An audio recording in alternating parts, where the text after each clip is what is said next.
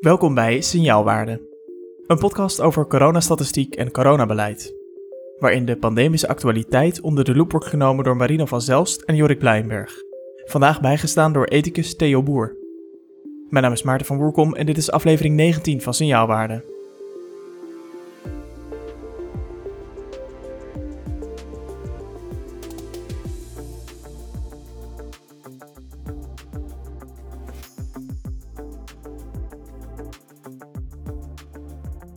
Goeiedag en welkom. Het is vandaag 30 juli 2021 en dat is dag 520 van de coronapandemie in Nederland. En als vaste luisteraar van Signaalwaarde heb je gemerkt dat we het heel vaak over data hebben, over cijfers, over getallen. Dat is natuurlijk waar eh, de expertise van eh, Marino en Jorik in ieder geval ligt. Eh, maar als we in deze coronapandemie ergens niet omheen kunnen, dan zijn het eigenlijk de morele dilemma's die door het beleid heen varen. Corona en coronabestrijding is denk ik doorvlochten met ethiek. En dat is waar we in deze aflevering van Signaalwaarde bij stil willen staan. En daar hebben we een bijzondere gast voor uitgenodigd. Eh, die wil bij ons aanschuiven. Dat is ontzettend gaaf. Dat is professor Dr. Theo Boer, ethicus, hoogleraar ethiek van de gezondheidszorg aan de Protestantse Theologische Universiteit in Groningen.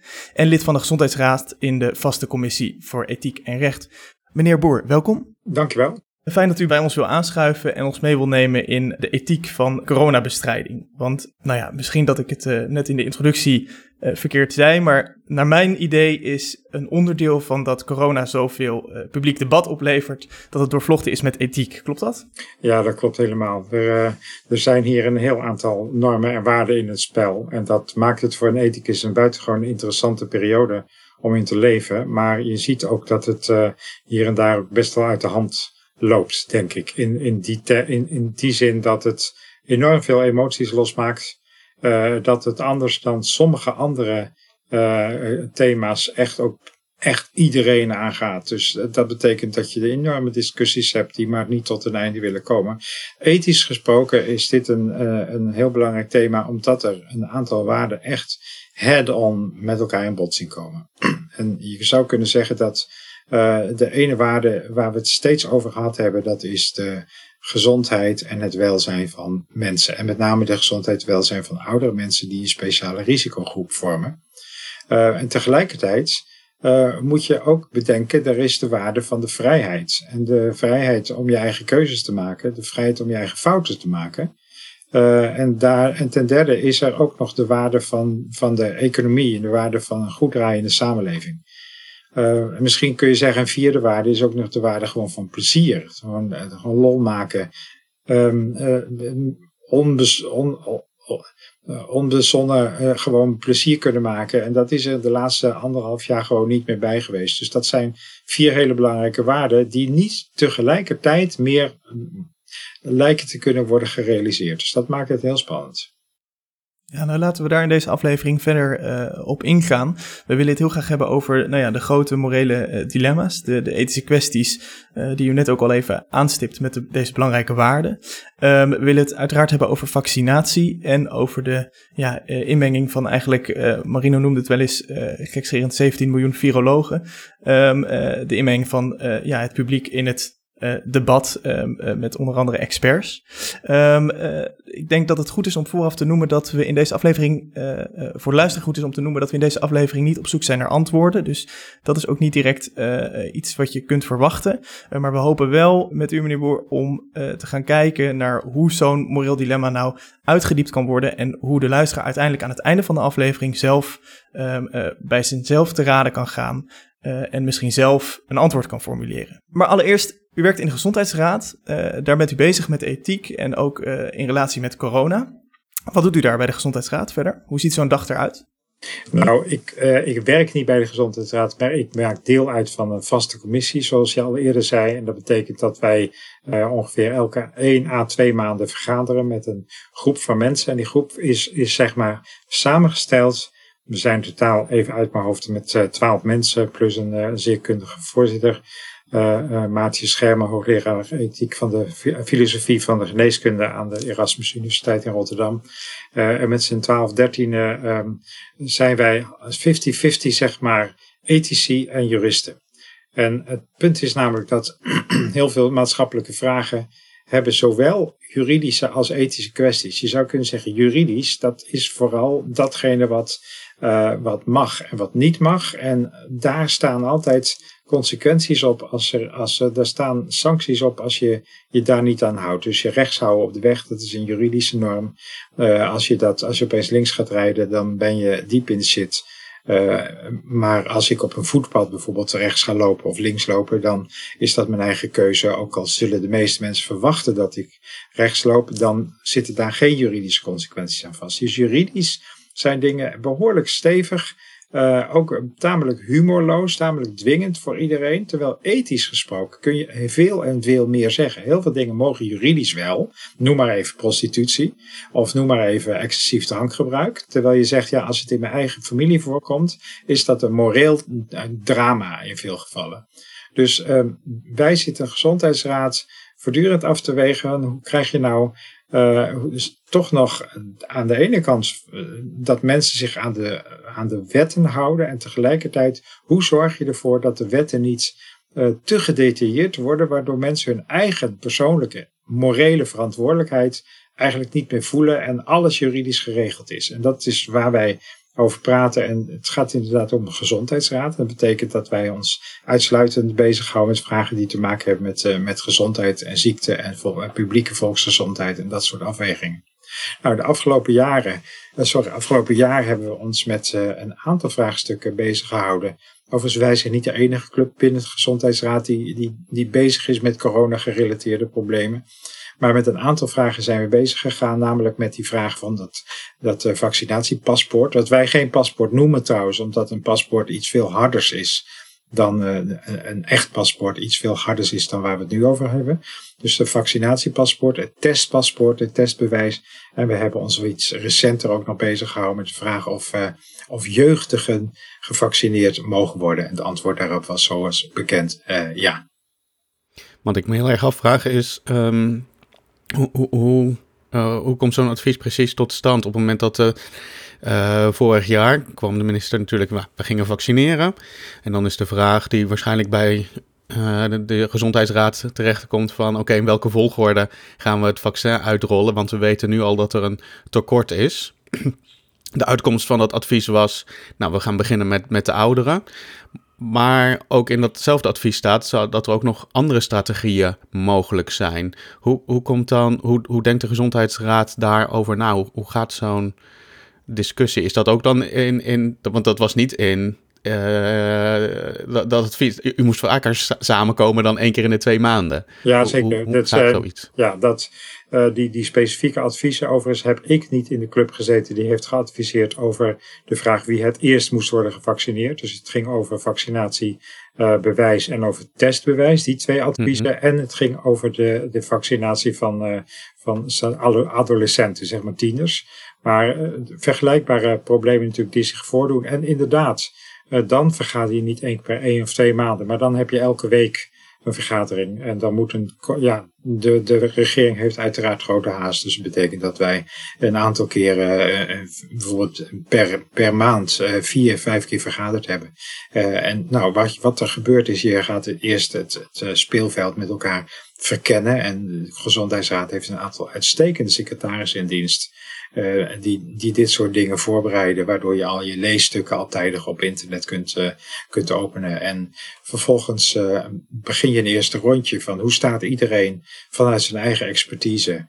Dus vooral juristen, ethici, maar dus ook te, ten dele erbij geroepen virologen bijvoorbeeld. hoe staat iedereen in dit vraagstuk? En dat blijkt wel eens wat licht tussen de een of de ander te zitten. Maar wat mij toch wel opvalt is dat je als een soort je zou bijna kunnen zeggen uh, als een soort organische, misschien kun je zeggen als een zwerm vogels wel eens, wat je, waar je soms van denkt, hé, hey, hoe, hoe coördineren die dat zo mooi, dat je toch op een gegeven moment zelf tot een bepaalde uh, overtuiging komt. Bijvoorbeeld dat die overtuiging dat uh, adolescenten de mogelijkheid moesten hebben om gevaccineerd te worden. Daar hebben we vrij uitgebreid ook over gepraat met allerlei nadelen. Van wat is de nadelen in termen van gezondheid voor die, uh, voor die tieners. Uh, anderen zeiden binnen de commissie van ja, maar is het niet eigenlijk een beetje pervers dat je in Nederland tieners gaan vaccineren terwijl in India de oude mensen nog voor in de rij staan? Nou, allemaal van dat soort vraagstukken zijn langsgekomen en daar tekent zich een consensus af, een, een, een, gedeelde opinie. We hebben eigenlijk, kan ik wel zeggen, nauwelijks discussies waar de een de ander zegt van dit is vreselijk wat je nu zegt. Uh, daar tekent zich een bepaald wijsheid af en dat vind ik een heel mooie werkwijze. U noemde net al een aantal thema's die besproken worden uh, in zo'n gezondheidsraad. Als we nou eens kijken naar de coronapandemie en de bestrijding het afgelopen anderhalf jaar. In de introductie noemde u het al net even. Wat zijn nou de belangrijkste uh, morele dilemma's waar we voor staan als maatschappij?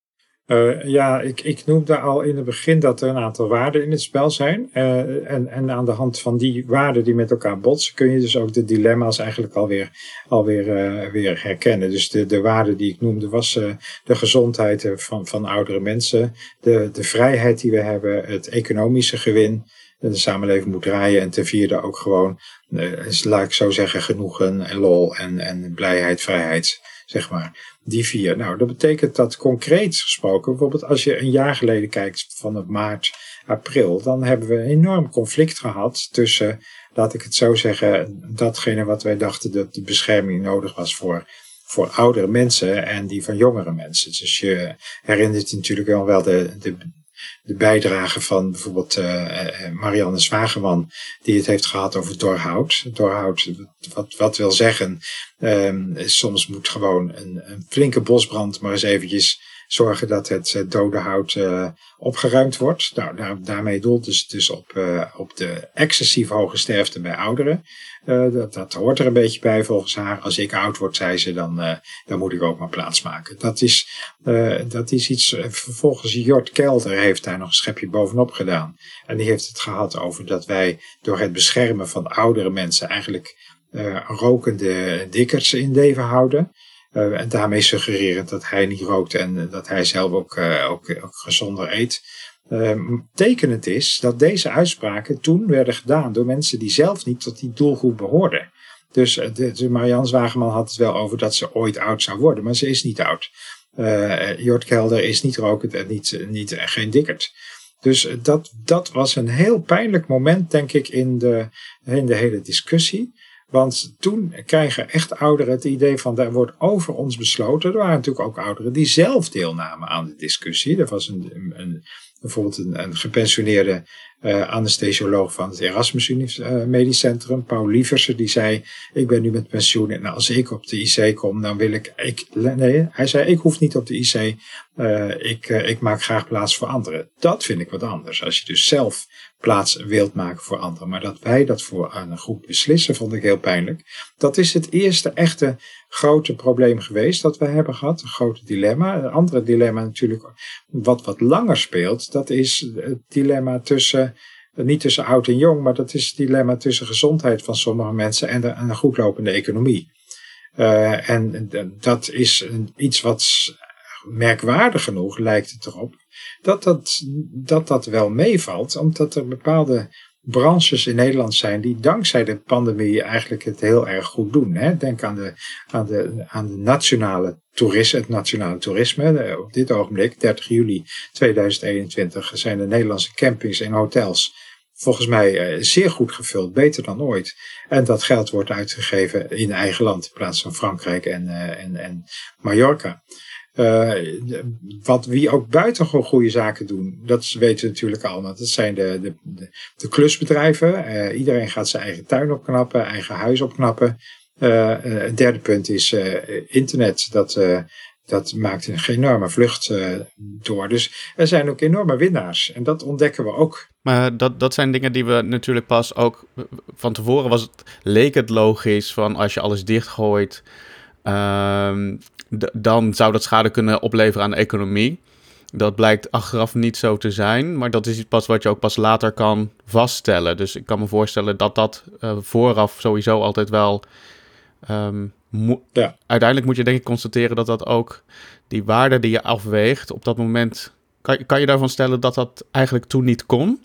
Of was dat dan onrealistisch? Ja, nee, dat is een goed punt. Dat je namelijk nu met de wijsheid van achteraf kunt zeggen: het valt wel mee. Overigens, voor sommige uh, takken van sport uh, valt het natuurlijk helemaal niet mee. Denk aan KLM die, die nu weer vandaag te horen kreeg, ja, kregen wij te horen anderhalf miljard uh, schade weer. Dus, maar je hebt helemaal gelijk. Er zijn van tevoren zijn er doemscenario's geschetst die dus niet bewaarheid werden. En een daarvan was dat de economie met een, uh, met een knarsende remmen tot stilstand zou komen. Dat is niet gebeurd. We zijn dus heel creatief geweest.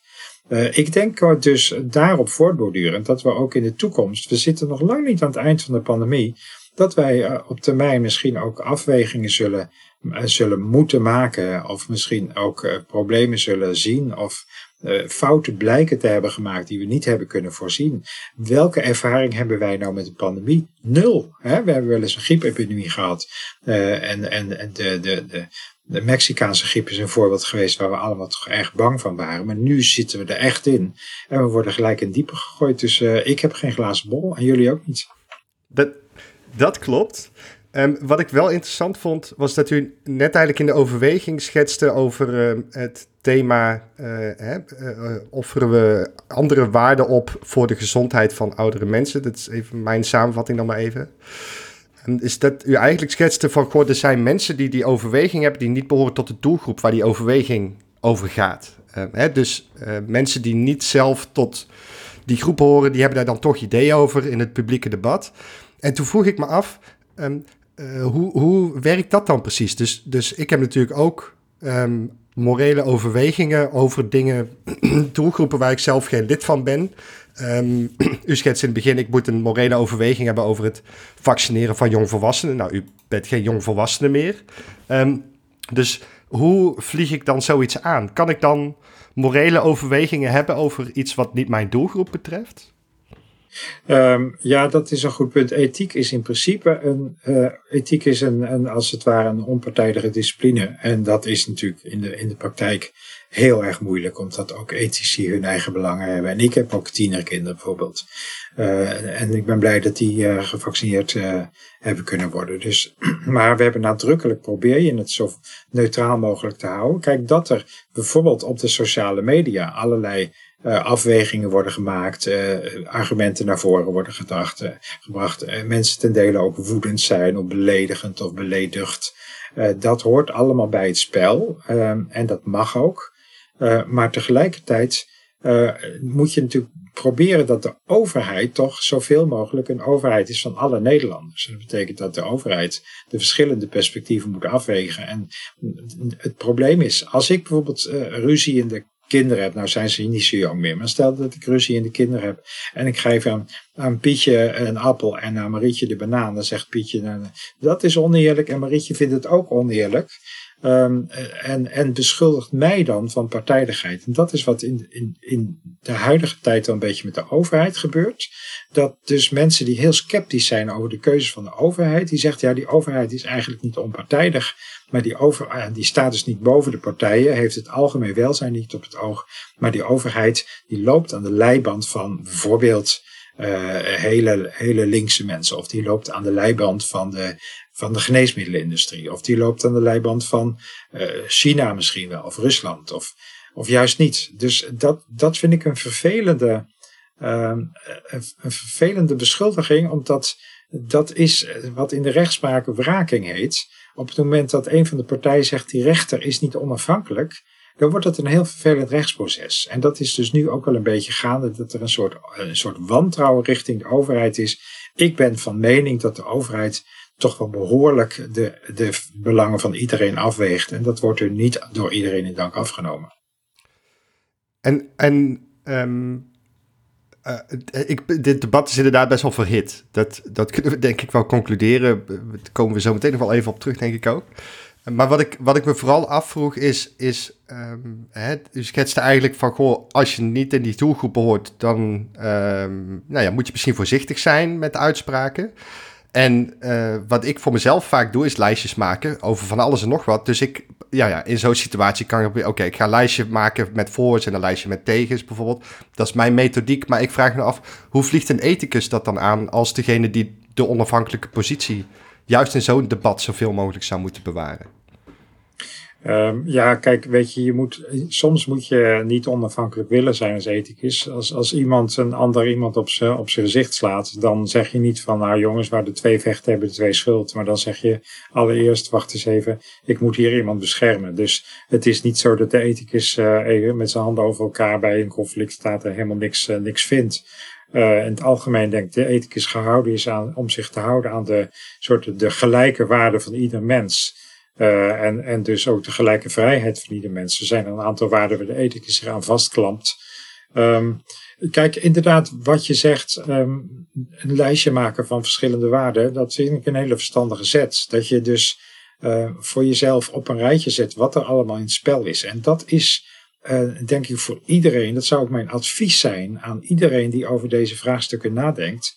Maak, maak voor jezelf een overzicht van de verschillende argumenten die er zijn een ethisch probleem, waar wij het nu mee te maken hebben, een ethisch probleem is nooit uh, simpel.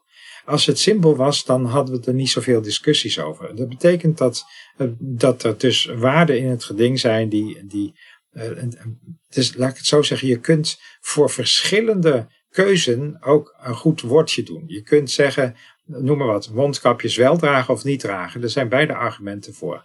Um, enige dwang of drang opleggen voor uh, mensen die niet gevaccineerd willen worden, is allebei wat voor en wat tegen te zeggen. Dat maakt het zo interessant, dat maakt het spannend, maakt het voor een ethicus iets wel heel boeiend. Um, maar het betekent dat je moet proberen in jezelf altijd de nuance te bewaken. Dat betekent niet dat als je het lijstje compleet hebt, dat je dan niet een afweging moet maken en zeggen onder de streep vind ik nu dit of vind ik nu dat. Kunt u eens, uh, uh, eens nou ja, zeg maar, dit proces kunt u ons eens aan de hand nemen uh, ten aanzien van het vaccinatievraagstuk. Hè? Dat is iets wat nu uh, de afgelopen weken ontzettend actueel is. Um, er wordt gesproken over vaccinatie um, dwang. Um, eh, als we kijken naar Frankrijk, dan uh, heeft Macron een andere insteek gekozen dan uh, het kabinet hier in Nederland doet. kunt u ons als ethicus eens meenemen in dat proces? Hoe kunnen we dat vraagstuk en dat speelveld nou eens uitdiepen? Ja, als het gaat over vaccinatie, nu, nu zitten we op, dus op een punt. Um, nu zitten we op een punt dat daadwerkelijk, wat wij een jaar geleden hoopten, dat daadwerkelijk die vaccins allemaal beschikbaar zijn. Dat er een, een enorm aantal, uh, een enorm deel van de bevolking inmiddels is gevaccineerd. Dus dat is op zich al heel gunstig. Eerder werd gesproken over een vaccinatiebereidte van 50, 60, 65 procent. En dat is bij de meeste volwassenen inmiddels opgelopen tot 80, misschien wel uiteindelijk wel, wel 90 procent. Dat weet ik niet, niet precies zeker. Dus daar kunnen we onze zegeningen tellen. Dus nu is het, uh, uh, nu is eigenlijk het ethische probleem, is als het ware versmalt of geëvolueerd tot de vraag, uh, wat doen we met de mensen die niet gevaccineerd willen worden? Dus dat is nu, nu even de ethische vraag. Ja, dan denk ik dat je dus daar moet identificeren welke voornaamste, wel, wat de voornaamste waarden zijn die in het geding zijn. Bij een, iemand die niet gevaccineerd wil worden, uh, ook die, daarvan hoop je dat hij niet ziek wordt. En daarvan hoop je dat hij niet ernstig ziek wordt. Dus uh, zijn of haar welzijn is in het geding.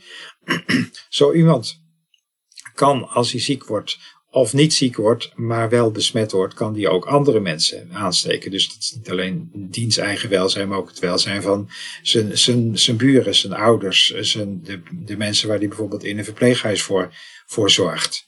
Uh, welzijn. Maar dan heb je vervolgens een, uh, een derde waarde en dat is de vrijheid. En ik heb al eerder gezegd in deze uitzending, ik vind vrijheid zo ontzettend belangrijk goed in Nederland en in de democratie. En vrijheid betekent altijd de vrijheid om ook fouten te maken. Als vrijheid alleen betekent de vrijheid om te doen wat iedereen vindt dat je zou moeten doen, dan is het geen vrijheid, maar dan is het een, een wassenneus. Dat, is, dat doet iedereen in China ook. Dat, dat noemen we niet vrijheid, maar dat is staatsdwang. Dus vrijheid heeft altijd iets hoekers. Um, en dat vind ik een heel belangrijk aspect hier. Nou, dan denk ik, als je dat moet gaan afwegen, en misschien vergeet ik nog waarden, maar als je dat gaat afwegen, dan vraag ik mij af, uh, zelf, en dat is dus nog toch wel een beetje een soort stemadvies, als ik het zo mag zeggen, dan vraag ik mij dus af of je of het, het gezondheidsbelang nu nog, anno midden 2021, of dat nu nog zo groot is dat wij mensen serieus moeten gaan dwingen of zelfs verplichten of op allerlei manieren zulke zware drang uitoefenen dat ze geen kant meer op kunnen. om zich te laten vaccineren. Ik denk zelf uh, van niet. En ik denk dat uh, een voorbeeld is geweest. In de jaren 70 hebben we in de Bijbelbelt in Nederland. Dus dat is zeg maar een wat meer christelijke deel van de natie. Dat loopt van, van Zuidwest tot, tot Noordoost. Zeeland, zeg maar. Hardingsveld, Giessendam, Veluwe, Overijssel. Daar hebben mensen destijds geweigerd om zich te laten vaccineren. En daar hebben we serieuze discussie over dwang rond vaccinatie gehad. En dat is godzijdank niet gebeurd. En wat je gezien hebt, gezien hebt, is dat die mensen zich uiteindelijk hebben gezien dat het zo goed werkt dat de meeste van die mensen zich alsnog hebben laten vaccineren. Sommigen niet, maar de meeste wel. Um, ik denk dat dus uh, je moet realiseren dat als wij nu dwang toepassen, dat een aantal mensen echt verschrikkelijk van de samenleving vervreemd gaan worden. Dat kunnen ze zich misschien in Frankrijk veroorloven, want Frankrijk is toch altijd wat, wat hiërarchischer geweest. Maar dat moet je in Nederland niet gaan proberen. En ik zou zeggen, we moeten dus wel die volksgezondheid uh, is ontzettend belangrijk. Dat moeten we benadrukken, maar we moeten de, de, de twijfelaars de vrijheid geven om iets anders te kiezen. Maar ze wel voorzien van argumenten en, en feiten en statistieken. En waarvan je hoopt dat dat dan werkzaam is. Want waar ligt nou precies de nuance ten aanzien van andere wet en regelgeving? Want daar hebben we het over als het over dwang gaat. Um, uh, bijvoorbeeld, uh, die ook uh, gezondheid ten goede komt. We hebben bijvoorbeeld een rookverbod in de horeca. Um, we moeten rechts rijden op de snelweg en een gordel om. Um, waar verschilt dat nou van tot een vaccinatieplicht? Ja, dat is, dat is, dat is kern natuurlijk. Ik denk dat voor mij ligt het grote verschil bij het feit dat vaccinatie een van de meest intieme dingen is die je kunt overkomen. Ik bedoel, het, uh, seksuele intimiteit is dat ook. En een goede tweede is volgens mij uh, een, een, een naald jouw huid laten doorboren. Dat is één. Maar dan ook wordt er iets in jouw bloedbaan gespoten. Ik, ik, presenteer het nu met opzet een beetje eng, maar het is wel zo. Er wordt iets in jouw lichaam gespoten wat een aantal van jouw lichaamsfuncties gaat overnemen. Dat vind ik toch echt wat anders dan dat je iemand verplicht om eventjes een gordel om je, om je heup te doen en uh, om je schouder te doen. En that, that's it. En rechts houden op de snelweg, daar hoeven we het helemaal niet op de, over te hebben. Want iemand die dat niet doet, rijdt zichzelf 100% zeker dood. En anderen ook. Dus dat is geen vergelijking. Maar die gordel is wel een vergelijking waarvan ik zeg, ja, eh, inderdaad zou je kunnen zeggen, waarom zouden we die gordel omdoen? Ik vind het ook wel een, ik vind het een goede argument zijn om die gordelplicht uh, niet te hebben. Maar goed, ik, ik snap dus de mensen die daartegen zijn wel, ik ken nauwelijks mensen die daartegen zijn. Uh, maar die vaccinatieplicht is dus gewoon een veel, veel omstredener ingreep in jouw eigen vrijheid. Ik kan me ook wel voorstellen u, u, geeft duidelijk aan van, goh, ik kom vanuit deze, uh, ik eindig op deze positie, laat ik het even zo stellen. Dat er ook ethici zijn die, die de andere kant opvallen, uh, bijvoorbeeld. Dus die zeggen van, nou, ik, als ik alles overweeg, dan, dan denk ik dat ik hier eindig. En wat voor mij even het zoeken is, omdat ik geen ethicus ben, is hoe komen zeg maar, mensen met dezelfde opleiding, ethiek, hetzelfde werkproces tot die verschillende uitkomsten, zeg maar. Uh, ja, dat, dat is omdat, een, een, ja, kijk, weet je, over zwaartekracht en over afstanden en, en sterrenstelsel, daar kun je gewoon zeggen ja of nee. Iets is wel of iets is niet waar. Maar in de op het gebied van normen en waarden, ja, dat is gewoon, dat hoort tot wat wij noemen de geesteswetenschappen. Dat geesteswetenschap zijn dus de wetenschappen die bestuderen het menselijk gedrag en, en menselijke verschijnselen en menselijke cultuuruitingen. Nou ja, daar kom je gewoon nooit helemaal zeker uit. En uh, ik zou zeggen, uh, zolang ethici maar wel uh, ver zijn naar hun tegenstanders, uh, ik zeg dus altijd maar, de sterkte van je positie is afhankelijk, is, is ook, hè, de sterkte van je positie is equivalent aan de manier waarop je de, positie van je tegenstander ver weet neer te zetten. Uh, dus niet schreeuwen, maar zeggen van nou ja, ik snap jouw punt en jouw punt. Ik, ik, hè, sterker nog, ik zou jouw punt misschien zelfs nog kunnen verdiepen. Dat, dat je dat tegen je tegenstander kunt zeggen, is een teken dat iemand een goede ethicus is. Als alle ethici dezelfde kant op praten of blaten, dan zou ik me echt zorgen gaan maken. Uh, dus wees blij dat er bij die ethische enige verschillen zijn. Bijvoorbeeld op dit ogenblik zijn er wel verschillen tussen mij en sommige anderen. Want ik ben erg tegen een vaccinatie dwang of drang. En anderen die zeggen nee, voor ons weegt de volksgezondheid zwaarder. En dan moet dan de, de individuele vrijheid maar een stapje voor terug doen. Dat heb je en die, die keuze, die smaak heb je. Voor mij even ter, ter verheldering, wat is het verschil tussen dwang en drang? Dat is uh, wat we dan nu om een fluidum, dat is een vloeiende overgang. Um, kijk, je zou kunnen zeggen, de dwang, echte dwang zou kunnen betekenen dat je iemand van de staat plukt en zegt, uh, nu gaan we je, uh, nu, ga, nu gaat, komt er een meneer of mevrouw in een witte jas en die gaat jou inspuiten. Dat, dat is echte dwang, maar dan kun je natuurlijk via allerlei stapjes ook zeggen, ja, dwang is ook als jij namelijk zegt, uh, iemand moet gevaccineerd worden, anders mag hij niet meer op zijn werk verschijnen. Of iemand moet gevaccineerd worden uh, en mag de bus niet meer in. Uh, het is nog net niet dat je iemand in de dwangbuis legt en hem, en hem injecteert. Maar het, het heeft wel hetzelfde effect. Namelijk iemand wordt, wordt, wordt machteloos gemaakt. Dus ik, ja, het zijn allemaal smaken. En ik ben wel van de overtuiging dat enige vorm van drang enige vorm, zeg ik, ik ben nog niet helemaal uit hoeveel, dat die, ja, dat die er wel bij mag horen. En wat is drang precies? Als je me vraagt wat drang precies is. Uh, uh, ja, kijk, ik kan me voorstellen dat voorbeeld van iemand die op de intensive care werkt en die principieel tegenstander is van gevaccineerd worden. En waarvan we allemaal weten dat als zo iemand ziek wordt, dan misschien zelf niet heel erg ziek zal worden, maar wel dit kan doorgeven, zelfs ongemerkt kan doorgeven aan anderen. Uh, en die werkt met patiënten die om bijvoorbeeld medische redenen niet gevaccineerd kunnen worden. Of misschien wel gevaccineerd zijn, maar toch nog ziek kunnen worden. Nou, bij die mens, dan in dat geval zou ik tegen zo iemand zeggen: luister eens even, ga gewoon de komende twee jaar niet, niet op de IC werken. Dat is gewoon, dat gaat niet werken. Een andere vorm van drang zou, zou kunnen zijn. Dat je mensen eh, gaat belonen als ze, eh, als ze zich wel laten vaccineren. Ik weet niet of ik daarvoor ben, maar een van de voorbeelden is dat in, uh, in New York nu mensen die zich laten vaccineren krijgen een bedrag, ik geloof van 100 dollar. Nou, dat is dus wel heel prachtig natuurlijk. Dat, dat betaalt zich wel uit, want als mensen ziek worden, zijn, is, is de staat niet 100 dollar voor ze kwijt, maar 100.000 dollar. Dus dat, dat is uiteindelijk economisch nog wel gunstig. Maar dat zijn vormen van drang. Je kunt dat ook...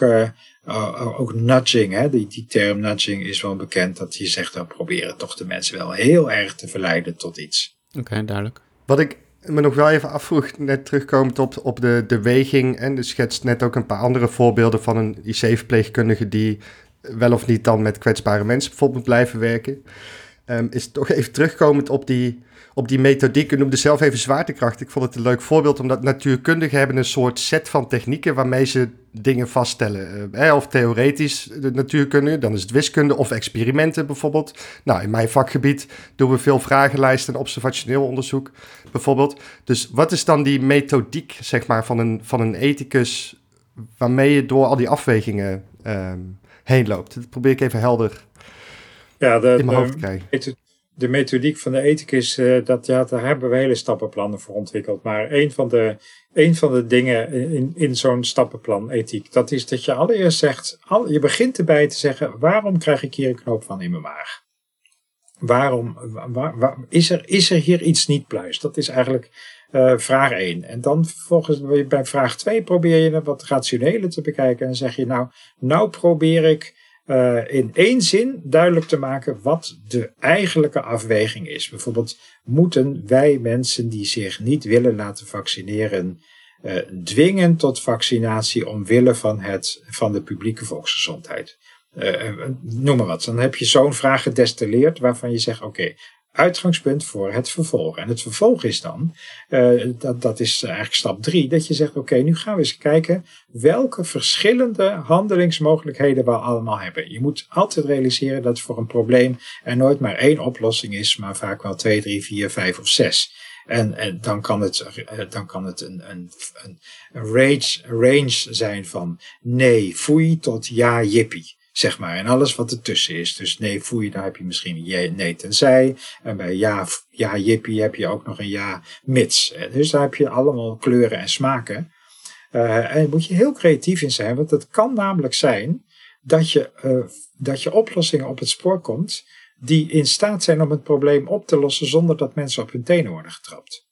Nou, daar moet je creatief in zijn. Vervolgens is de volgende stap, ik geloof dat we inmiddels bij vier zijn, uh, dat is dat je zegt, nu wil ik alle waarden die hier botsen, die wil ik in, in beeld krijgen. Dus echt werkelijk uh, alles proberen, uh, welzijn, vrijheid, rechtvaardigheid, schadebeginsel, uh, misschien iets als uh, natuurlijk overlijden in dit geval. Want je zou kunnen zeggen, misschien is het wel zo dat hele oude mensen maar gewoon een kans moeten hebben om te overlijden. Dat zou ook een waarde kunnen zijn. Ik, niet dat ik dat vind, maar ik noem het maar even als mogelijke waarde. Nou, en dan moet je uiteindelijk moet je toch een knoop gaan doorhakken met behulp van die, die waarden en met behulp van die geïnventariseerde uh, handelingsmogelijkheden, moet je een knoop gaan doorhakken. Dat is een beetje hoe wij dat doen.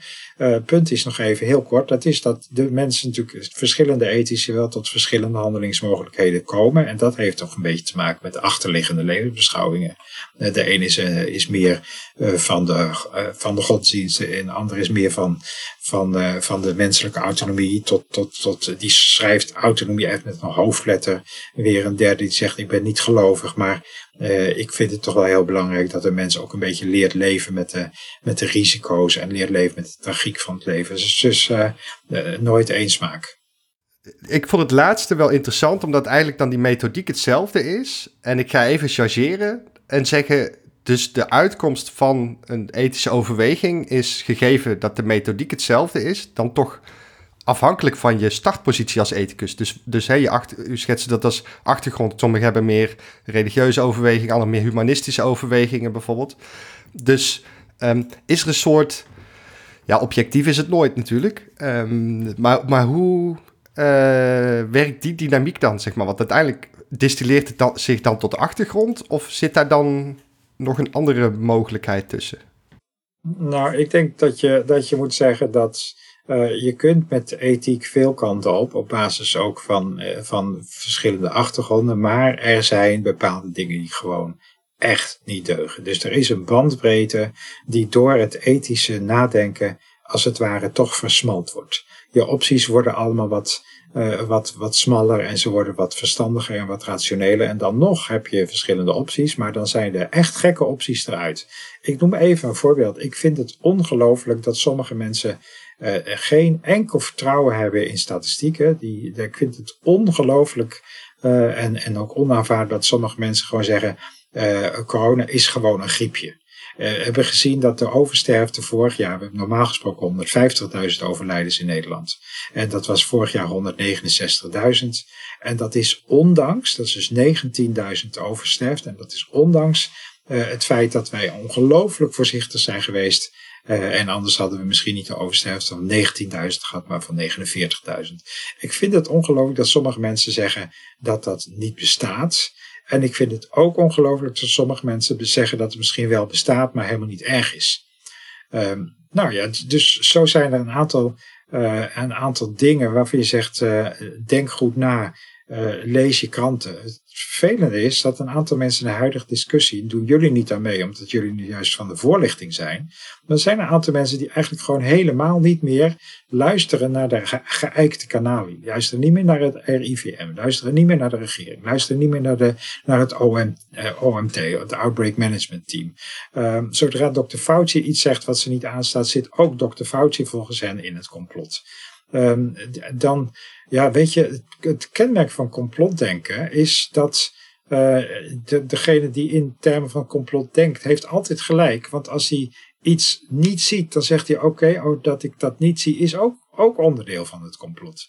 Dus, dus ik zeg van ja, laat je op zijn minst wat in de ethiek, laat je, laat je informeren door de feiten. En dan heb je echt een zware verantwoordelijkheid om alle feiten tot je te nemen, of je ze nou leuk vindt of niet. En binnen de ethiek leg je dus vervolgens die feiten naast de, de waarden en normen. Um, uh, net eerder bespraken we dat je dan het beste lijstjes kunt maken, dat dat een goed startpunt is om eens na te gaan denken over zo'n vraagstuk als vaccinatiedwang en vaccinatiedrang. Um, zou het mogelijk zijn dat u voor ons een lijstje schetst aan waarden en normen, net als eigenlijk in het begin over de grote uh, publieke ethische kwesties, uh, binnen, die, uh, binnen dat vaccinatievraagstuk? Kunt u, kunt u gewoon een concreet lijstje geven van als ik nou vanmiddag deze podcast heb geluisterd en ik wil daarna nog eens even met een bloknootje in de tuin gaan zitten en hierover nadenken, welk lijstje kan ik dan opschrijven als startpunt? Ja, in dat lijstje denk ik zou je moeten zeggen, ah, als je nog geen corona hebt gehad, dan heb je nu met, met de Delta variant een, een reële kans dat je het alsnog krijgt. En dan is de kans dus laten we zeggen uh, eh, 30% dat je er echt last van krijgt. En de kans is uh, eh, 5%. Ik, ik, ik even al dagen later wat de precieze percentages zijn. Maar dan is de kans 5% dat je er heel erg veel last van heeft, hebt. En de kans van 1%, 1 dat je er over twee jaar nog steeds last van hebt. En, en als jongere een kans van misschien 1 op 1000 of 1 op 10.000 dat je dan overlijdt. Dat, dat moet je op een rijtje hebben. Dat, dat, is, dat is één. Dus het gaat over jouw eigen welzijn. Vervolgens moet je op dat lijstje zetten. Uh, wat als ik zelf niet ziek word, maar toch weer omga met allerlei mensen die het wel zou kunnen worden. Dus dat betekent dat, dat je een, een, de waarde hebt van het welzijn van, van tante, tante Nel en van oom Rudolf. Uh, en, en de waarde van misschien je, je eigen kinderen of eh, eh, of, of de mensen met wie je in de supermarkt loopt. Dat zijn dus de waarden van solidariteit met andere mensen. Uh, dan denk ik dat een, een derde punt is, jij moet je laten informeren over de risico's die daarvan bij het vaccineren zijn. Uh, en die risico's, daar zal ik nu niet een antwoord op geven, maar volgens mij zijn echt verschrikkelijk klein. Er zijn ervaringen opgedaan. Maar er zijn wel zekere risico's nou, zet dat ook op je lijstje van is me dat waard of niet? Of uh, loop ik liever het grote risico op, COVID dan het kleinere maar onbekendere risico dat ik loop als ik laat vaccineren? Vierde punt is uh, vrijheid. Zet dat op je lijstje. Dat je zegt van ja, ik vind het gewoon heerlijk om, om, om, om, om onbezonnen in het leven te staan. Om, uh, en en, en ik, ik, ik loop graag risico's. Of juist niets. Dat je zegt, ik loop niet graag risico's. Maar weeg dat voor, je, voor elkaar af. Um, ja, en dat zou ik misschien zeggen, laat je in je, zet op je lijstje ook dat je niet, niet beslissing neemt omdat je sommige mensen het betaald wilt zetten. Dus dat je zeg maar een soort strategische keuze maakt uh, ik las uh, iemand die op Twitter uh, op een, een, tweet van mij reageerde. het was niet tegen mij in, maar eigenlijk meer om mij te steunen. Maar die zei van ja, nu ik al die verhalen heb gehoord over mogelijke drang, ga ik me helemaal niet meer laten vaccineren. Dan denk je dat, dit is natuurlijk, excuus helemaal, maar dat vind ik puberaal gedrag. Je moet gewoon zeggen, wil ik mij laten vaccineren, ja of niet? En dat doe je dan niet, of je laat het niet, omdat je daarmee bepaalde mensen wilt pleasen omdat jij het nodig vindt om het wel of niet te doen. Uh, dat is even een lijstje wat ik in alle gauwigheid zou willen meegeven. Duidelijk. Ik wil er wel um, nog vragen ook. Uh, we, maken nu met z'n allen een, ook een brede afweging. Um, in sommige landen zien we dat er vaccinatie uh, bijna plicht is, maar zeker weten drang.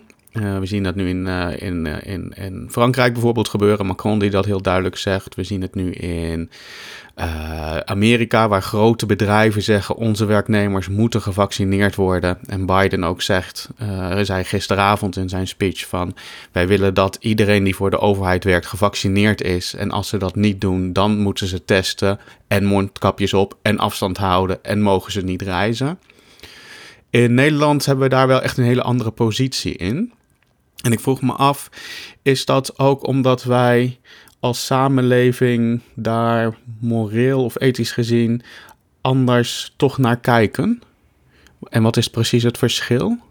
Is dat ja, duiden? Ik denk dat het, wat betreft Biden, die een paar dagen geleden nog suggereerde dat er misschien wel een plicht zou komen. En die heeft dus nu, ik denk, langs de rand van de afgrond gegaan. Want stel je voor dat hij aan overheidsdienaars, hè, want dat is het, het gaat om ambtenaren. Als hij had gezegd, je bent verplicht om je te laten vaccineren, dan had hij daarmee eh, definitief duidelijk gemaakt dat de overheid een democrat, democrat hè, democratische overheid is, die dus, dus lak heeft aan die grote minderheid van, of een grote groep van republikeinen, die daar heel anders over denkt. Dus die zijn werkelijk echt daarmee, toen ik dat in de kant las, dacht ik, gelukkig heeft die fout niet gemaakt, want daarmee is de tweedeling de Amerikaanse samenleving compleet.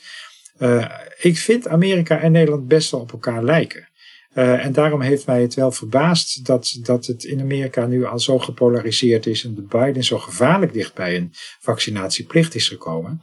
Uh, want Nederland en Amerika lijken erg op elkaar in die zin dat het beide toevluchtsoorden zijn geweest voor mensen die vervolgd werden om wat voor keuzes dan ook. De Nederlanders hebben ooit Hugenoten, dat is een protestantse secte geweest, uit Frankrijk opgevangen, uh, Joden uit Portugal. Uh, protestanten, katholieken, van allerlei mensen zijn in Nederland opgevangen en mochten zijn wie ze zijn. En dat is in Amerika ook altijd hetzelfde geweest. Dus die reputatie laten we ons als Nederland niet zo makkelijk uh, afpakken. even nog wel toelichting. Ik denk dat het op zichzelf wel helder is dat vaccinatieplicht of vaccinatiedwang, drang moet je niet hebben.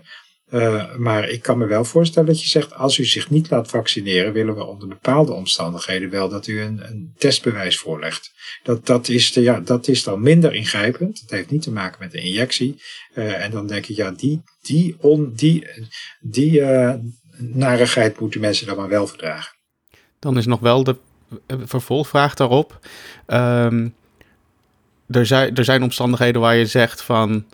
Um, mensen uh, mogen hier binnenkomen uh, als ze een vaccinatie, zeg maar wat we deden met testen voor toegang. Als je een vaccinatiebewijs hebt of als je je hebt laten testen of de ziekte hebt doorgemaakt en wij kijk, maken daar geen onderscheid in. Um, is er nog iets voor te zeggen om alleen mensen die gevaccineerd zijn ergens binnen te laten? Bijvoorbeeld als je een bedrijf bent of iets dergelijks. En dat je zegt van de, de, de rest willen we gewoon überhaupt niet. Uh, dat is ook wel een tendens die we zeg maar, een dis discussie die nu gaat spelen. Ja, ik vind dat een heel erg moeilijk vraagstuk waar ik zelf niet uit ben. En dat is om, om de volgende reden. Bedrijf is ook in zekere zin een privéorganisatie. Ik mag ook uh, op een gegeven moment mag ik ook tegen mijn vrienden zeggen, als je, als je niet gevaccineerd bent, heb ik liever dat je eventjes niet bij mij komt. Of dat je alleen in de tuin, uh, in de tuin bij mij komt koffie drinken. Um, dus ik vind dat er een scherpe lijn moet zijn tussen overheid en, de, en het bedrijfsleven. En de overheid heeft echt de plicht om te zeggen, iedereen mag bij ons binnenkomen, iedereen mag bij ons werken. Uh, en iedereen, bijvoorbeeld ook, iedereen mag de trein in, iedereen mag het ziekenhuis in. Uh, wel met een, met een testbewijs dan wel, maar niet gevaccineerd als, uh, als eis. hoe dat zit met bedrijven, weet ik dus niet. Want je kunt zeggen, bedrijven heeft dus een bepaalde vrijheid om te zeggen, ja, onze mensen moeten gevaccineerd zijn. Maar ja, stel je voor, dat, dat moet je als bedrijf proberen als het gaat over homoseksualiteit. Hè? Dat je zegt, ja, mag ons bedrijf wel binnenkomen, voorwaarde dat je geen seks hebt met iemand van hetzelfde geslacht. Nou, dan is, het, dan is de beer los. Dus daar op dat terrein wordt die, die, die eigen verantwoordelijkheid van het bedrijf wordt helemaal niet, die, de eigen vrijheid wordt helemaal niet geaccepteerd. Dus ik ben er gewoon niet uit op dit punt. Kijk, dat is helder. Um, of niet. Maar uh, aan onze luisteraars om misschien voor hen zelf ook uh, uh, over na te denken. Um, wat, wat we net al een paar keer terug hoorden, was natuurlijk dat, dat iedereen daar. Iedereen heeft een mening over dit soort thema's. Um, u nam ons even mee in, in hoe benader je dit soort thema's nu. En wat we ook merken natuurlijk het afgelopen anderhalf jaar, voor mij wel uniek, is het soort. Ik noem het altijd het 17 miljoen virologen uh, probleem. Um, hè, we hebben dat bij EK's en WK's en dan is het twee weken is iedereen bondscoach en dan is het klaar. Dat is allemaal leuk. Um, alleen nu zitten we al anderhalf jaar in een uh, vrij complexe situatie. Um, waar we dan ineens heel veel mensen hebben die iets uh, vinden van deze situatie. Inclusief wij zelf trouwens. Um, want Jorik en ik zijn dan een beetje van die corona-data-nerds bijvoorbeeld. Wij publiceren gegevens over nou ja, wat u in het begin schetste. maar vaak Um, heb ik daar toch ook mijn eigen perspectief dan bij, zeg maar. Um, hè, we hebben ook aan, aan, ik noem maar even de andere kant, mensen die zeggen van, goh, alle maatregelen weg of uh, dat soort dingen. En dat wordt dan op de publieke omroep uitgevochten of op social media. Um, en ik vroeg me af van, van wat voor soort ethische overwegingen kunnen we hebben bij het 17 miljoen virologen probleem. dus heb ik een soort overwegingen te maken als ik die data interpreteer uh, op een bepaalde manier weergeven of zeg van ja, ik kijk naar die data en dit is verkeerd bijvoorbeeld. Um, maar dat, ik worstel daar zelf heel erg mee en ik weet niet of ik daar wat reflecties bij heb. Ja, dat, Dat is een, een, een enorm probleem natuurlijk door dank of probleem, maar het is wel misschien ook wel gewoon een resultaat van het feit dat we sociale media hebben, waardoor werkelijk iedereen eh, kan op Twitter zijn eigen visie naar voren brengen en iedereen heeft er wel verstand van of iedereen heeft er een visie op. Uh, en ik ook natuurlijk. En, en uh, net als jullie waarschijnlijk maak ik me ook regelmatig zorgen over allerlei dingen. Niet alleen dit, maar ook over, over de watersnoodramp in de Eifel, Ardennen en Limburg. En, en de, de bosbranden in, uh, in Canada. Zo maak, zo maak je je allemaal met elkaar heel erg veel zorgen. Ik denk dat een deel van de ophef waar wij het nu over hebben in, in het kader van corona. En, en die enorme opgeklopte emoties, dat het voor een deel ook een vorm van strobrandjes zijn. Dat wil zeggen dat brandt even heel erg hard. En dan is het daarna ook weer weg en gaan mensen weer wat anders doen. Voorbeeld is dat wij ons bijvoorbeeld hè, vorig jaar dus met Jort Kelder en met Marianne Zwaagman uh, in discussie gingen over, over het dorre hout. En toen waren het de dikke rokende mensen die we in het leven moesten houden. Daar hoor ik nu niets meer over in de media. Nu is het opeens allemaal, nu is de, de grote boosdoener is de ongevaccineerde. Uh, dus dus de, wij, wij, wij, we rennen met z'n allen achter bepaalde thema's aan. Uh, en daar moet je natuurlijk toch eigenlijk, als je een nadenkend mens bent, moet je enig relativeringsvermogen hebben. Zeggen, nou, ik wacht het wel even af, misschien is het over een maand minder, of misschien is het over een jaar over. Uh, anders word je gek. Dus dat zou ik je dringend aanbevelen. Um, nou ja, het, het, is een beetje lastig, want, want ik, heb, ik heb een bepaalde rol op een gegeven moment gekregen. Daar, dat was ook het vraagstuk meer. Um, omdat wij publiceren dan die cijfers. Dus ik heb vaak debatjes met mensen die zeggen: Marino, je moet gewoon cijfers publiceren. Je moet een feitenfabriek zijn. En voor de rest moet je niks vinden. Um, terwijl ik vanuit mijn expertise wel degelijk uh, ideeën heb over wat gebeurt. Dus ik schets even een voorbeeldje. Um, we hadden vorig jaar, eind december, was de regering zei van het gaat slecht met de cijfers, maar we doen, we doen even niks qua beleid. Dat was het punt twee weken voordat we uiteindelijk toch in een harde lockdown gingen. Nou, dat schoot bij, ik moet maar even een aantal van ons, inclusief mijzelf, goed in het verkeerde keelgat. Um, en toen hebben wij uh, een dag gekozen waarop we zeiden: vandaag um, publiceren we die cijfers maar even niet. Uh, terwijl ik weet dat er echt tienduizenden, soms honderdduizenden mensen um, echt naar zitten te kijken. Nou, daar kreeg ik een hoop uh, pushback op. Die zeiden van, ja, maar Marino, je hebt gewoon je feiten, je bent gewoon een feitfabriek. Dus ik, dit moreel gedrag vind ik niet oké. Um, en toen dacht ik van tevoren van, ja, ik vind het wel oké omdat ik het oké vind om te doen. Um, maar toen achteraf dacht ik van, ja, maar wat zijn de overwegingen die ik hier heb te maken omdat ik een rol heb uh, zelf. Uh, maar dat kan ook voor de media zijn natuurlijk. Hè. De media hebben natuurlijk een bepaalde rol. Um, sommige mensen zeggen, ja, je moet gewoon voorlichting geven als media of je moet het debat in beeld brengen. Dat, dat vinden andere media. En toen zat ik me af te vragen van, hoe kan ik nou eigenlijk voor mezelf um, meer verstandelijk daarin een overweging maken? Um, of ja, iets voor de media. Dat, dat ik, ik denk dat, dat, dat je sowieso al heel goed werk doet met die cijfers. Maar ik denk dat de uitdaging is voor, voor mensen uh, die, die bezig zijn met cijfers en feiten. De uitdaging is om te zeggen: ik ga proberen om alles op tafel te krijgen. Ook de feiten en de cijfers die uh, mijn thesis juist uh, ontkrachten. Dan de, de, de, de sterkste positie is altijd de positie waarbij je ook alles op een lijst, alles op een rijtje hebt wat tegen jouw positie spreekt. Dus ik zou zeggen, uh, wij moeten sowieso niet, bang zijn voor welk feit dan ook. Integendeel, we moeten dat kijken als er een feit zich voordoet. Dan moeten we dat checken, checken, dubbelchecken of het klopt. Uh, en vervolgens moet je kijken, zijn er feiten die dat tegenspreken? Uh, ik denk de werkelijkheid is namelijk, en dat is gewoon een feit, de werkelijkheid is verschrikkelijk complex. En het zal blijken dat er misschien niet één waarheid is, maar dat er uh, meerdere goede aanvaardbare, niet alles hoor, niet alles kan, maar dat er meerdere goede aanvaardbare waarheden zijn. Maar hoed je in elk geval voor selectiviteit en, en ver, ver, verbaas of verbijster jezelf en je, en je publiek met, het, met ook het weergeven van, van feiten die, die soms ongemakkelijk zijn.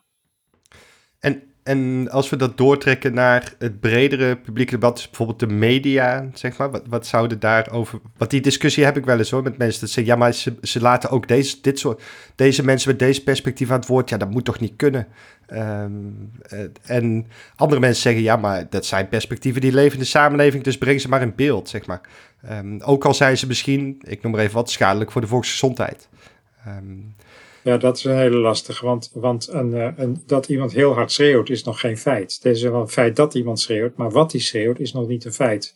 Dus uh, ik zou, uh, ik ben daar voorzichtig mee. Ik werd dus uitgenodigd bij een praatprogramma en toen moest ik iets, uh, toen werd mij gevraagd om, om bij de VARA BNN om iets te verdedigen waar, waarvan ik zei, maar mevrouw, dat, die, die mij dus vroeg, ik zeg maar mevrouw, er is geen, geen zinnige ethicus die dit standpunt zal, zal verdedigen. Ja, maar wij hebben iemand nodig die die positie verdedigt. Dus dan, ja, dan, dan, dan zoekt men de extremiteiten op en uh, daar doe ik niet aan mee. Toen heb ik ook gezegd, ja, dit, uh, u zoekt het maar uit. Uh, we hoeven het niet nog moeilijker te maken dan het al is. Maar concreet, ik weet het niet, want sommige mensen die iets heel hard roepen, ja, kunnen misschien toch wel gelijk hebben.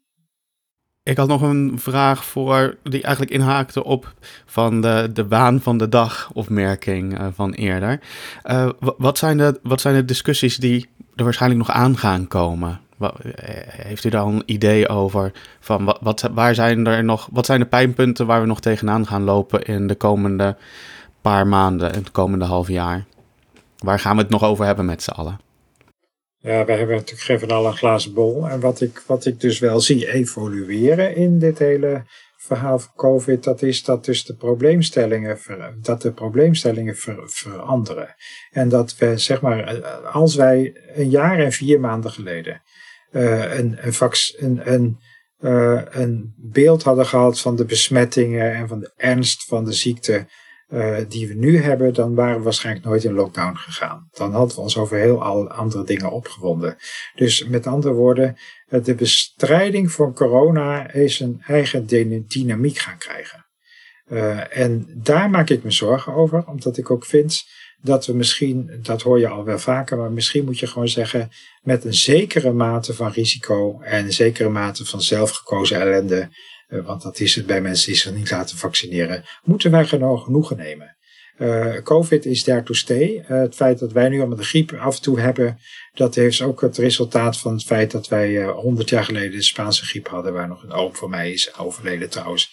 Dat is, dat is ook op een gegeven moment is dat deel geworden van ons leven. Dus wij moeten op enig moment moeten we ook weer loslaten en zeggen, nu gaan we ons weer richten op andere thema's. En ik hoop dat dat snel zal zijn, maar ik weet het niet zeker. En komt die discussie misschien al dan in september, wanneer de regering de nieuwe routekaart gaat presenteren?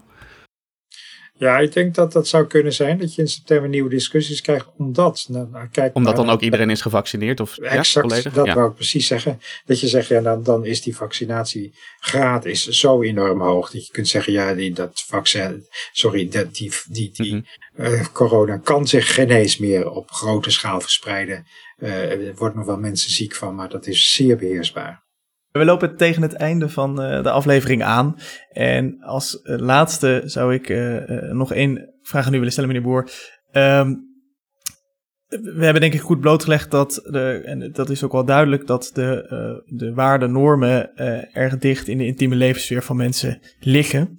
Um, en dat het debat vaak verhit en misschien wel oververhit uh, gevoerd wordt. Wat is nou uw take-home message voor onze luisteraars als ethicus, voor de mensen die zich in dit debat bevinden? ik zou zeggen, de take-home kwestie is uiteindelijk of jij, als je vanavond in de spiegel kijkt, kunt zeggen, ik heb vandaag dat gedaan wat ik meen dat goed is. Uh, maak je niet te veel druk over de keuzes van anderen, maak je vooral druk over de keuzes van jezelf. En maak daarbij lijstjes, denk ik, toch? Ja, maak daarbij lijstjes. Laat je goed informeren, ja. Hartelijk dank voor uw bijdrage in deze podcast. Graag gedaan. En uh, daarmee zijn we aan het einde gekomen van, uh, van deze aflevering. Dit was Signaalwaarde en dat is een podcastproductie van Maarten van Woerkom naar idee van en mede ontwikkeld door Marino van Zelst en Jorik Blijenberg. Je kunt Signaalwaarde volgen in je favoriete podcast-app zoals Spotify, Google Podcast of Apple Podcast. En bij die laatste zouden we je dan willen vragen om een review achter te laten, want dat helpt dan anderen weer om deze podcast te ontdekken. We willen onze grote dank uitspreken naar iedereen die Signaalwaarde financieel heeft gesteund. Want met jullie bijdrage houden we de podcast online en zorgen we voor een nog beter eindresultaat. Financieel bijdragen aan Signaalwaarde kan door vriend van de show te worden. Ga je voor naar vriendvandeshow.nl slash signaalwaarde en meld je daar aan. Daarnaast is het mogelijk om bij te dragen via een tikkie. Ga je voor naar onze eigen website signaalwaarde.nl en klik daar op de button bijdragen. Op deze website kun je ook je vragen of opmerkingen kwijt uh, over of voor in de volgende uitzending. En je kan je feedback insturen, want daar staan we altijd voor open. Dit was het voor deze keer. Bedankt voor het luisteren en tot de volgende aflevering.